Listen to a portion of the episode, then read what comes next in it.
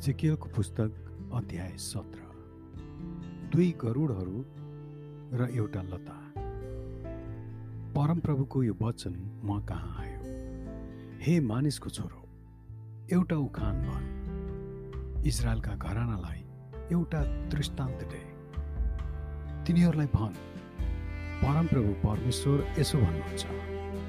शक्तिशाली पखेटा र लामा लामा रङ बिरङ्गका प्वाखहरू भएको एउटा ठुलो गरुड लेबनानमा आयो अनि देवदारूको टुप्पो त्यसले चुडायो। त्यसले त्यो टुप्पो व्यापारीको एउटा देशमा लग्यो र पैकारीको एउटा सहरमा त्यो रोप्यो। त्यसपछि त्यसले तिमीहरूका देशको केही बिउ लगेर मलिलो जमिनमा रोप्यो।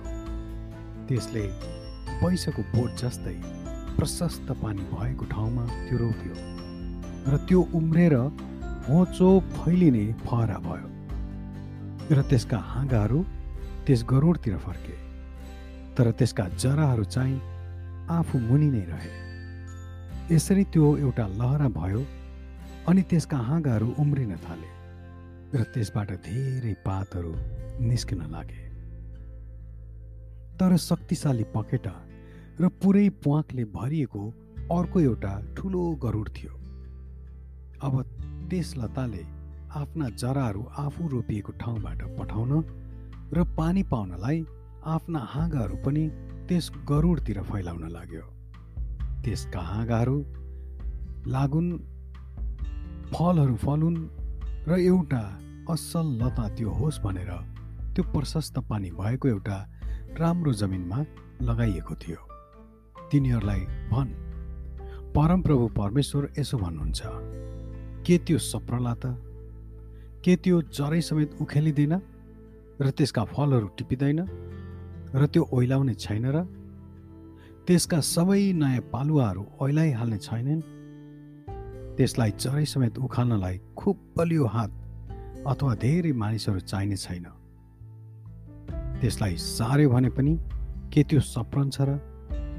पूर्वीय बतासले हानेपछि के त्यो जम्मै सुकिहाल्दैन र?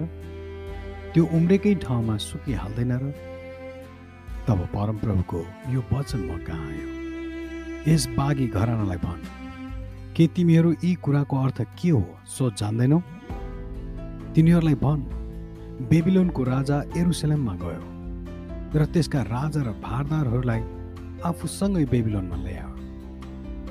तब त्यसले राजाको वंशमध्येको एकजनालाई लिएर त्यसलाई शपथ खाना लगाएर त्यससँग सन्धि गर्यो अनि देशका प्रमुख मानिसहरूलाई त्यसले लग्यो ताकि त्यो राज्य निर्बल होस् र फेरि खडा हुन नसकोस् र त्यसको सन्धिको वचन पालना गरेर मात्र त्यो रहन सकोस्। तर मिश्र देशले त्यसलाई घोडाहरू र एउटा ठुलो सेना दियोस् भनेर त्यसले मिश्र देशमा राजदूतहरू पठाएर बेबिलोनका राजाको विरुद्धमा त्यो राजा बाघी भयो। के त्यो सफल हुनेछ र? के यस्तो काम गर्ने मानिस उम्कन सक्छ र? करार भङ्ग गरेपछि पनि के त्यो उम्कन सक्छ र? जस्तो म जीवित छु परमप्रभु भन्नुहुन्छ त्यो बेबिलोनमा मर्नेछ। त्यसलाई सिंहासनमा बसाल्ने जुन राजाको शपथ त्यसले तुच्छ ठान्यो र जससँग गरेको सन्धि त्यसले भङ्ग गर्यो। त्यही राजाको मुलुकमा अर्थात् बेबिलोनमा मर्नेछ। फारोको शक्तिशाली सेना र ठुलो दलले लडाइँमा त्यसलाई सहायता गर्न सक्ने छैन। जब धेरै मानिसहरूलाई नाश गर्न भनी ठुला ठुला घेरा मचान तयार गरिन्छन् र घेरा हाल्नलाई पर्खालहरू बनाइन्छन् त्यसले करार भङ्ग गरेर शपथलाई तुच्छ ठान्यो। आफ्नो हात धितो राखेर पनि त्यसले यस्ता यस्ता काम गरेको कारणले त्यो उम्कने छैन। यसै कारण परमप्रभु परमेश्वर यसो भन्नुहुन्छ जस्तो म जीवित छु त्यसले तुच्छ ठानेको मेरो शपथ र त्यसले भङ्ग गरेको मेरो करार म त्यसकै शिरमा खनाइदिनेछु म मेरो जाल त्यसमाथि फिजाउनेछु र त्यो मेरो पासमा पर्नेछ। म त्यसलाई बेबिलोनमा ल्याउनेछु र त्यो म प्रति अविश्वास भएको कारणले म त्यसको न्याय गर्नेछु। त्यसका भागेर गएका सबै सेना तरवारले मारिनेछन् र बाँचेकाहरू चाहिँ चारैतिर तितर बितर हुनेछन्। तब तैँले जान्नेछस् कि म परमप्रभुले नै यो कुरा भनेको हुँ। परमप्रभु परमेश्वर यसो भन्नुहुन्छ एउटा देवदारूको सबैभन्दा टुप्पाको एउटा सानो मुना चुडाएर लिनेछु र एउटा अग्लो र उच्च पर्वतमा म त्यो रोप्नेछु। इजरायलका पहाडका टाकुराहरूमा म त्यो रोप्नेछु।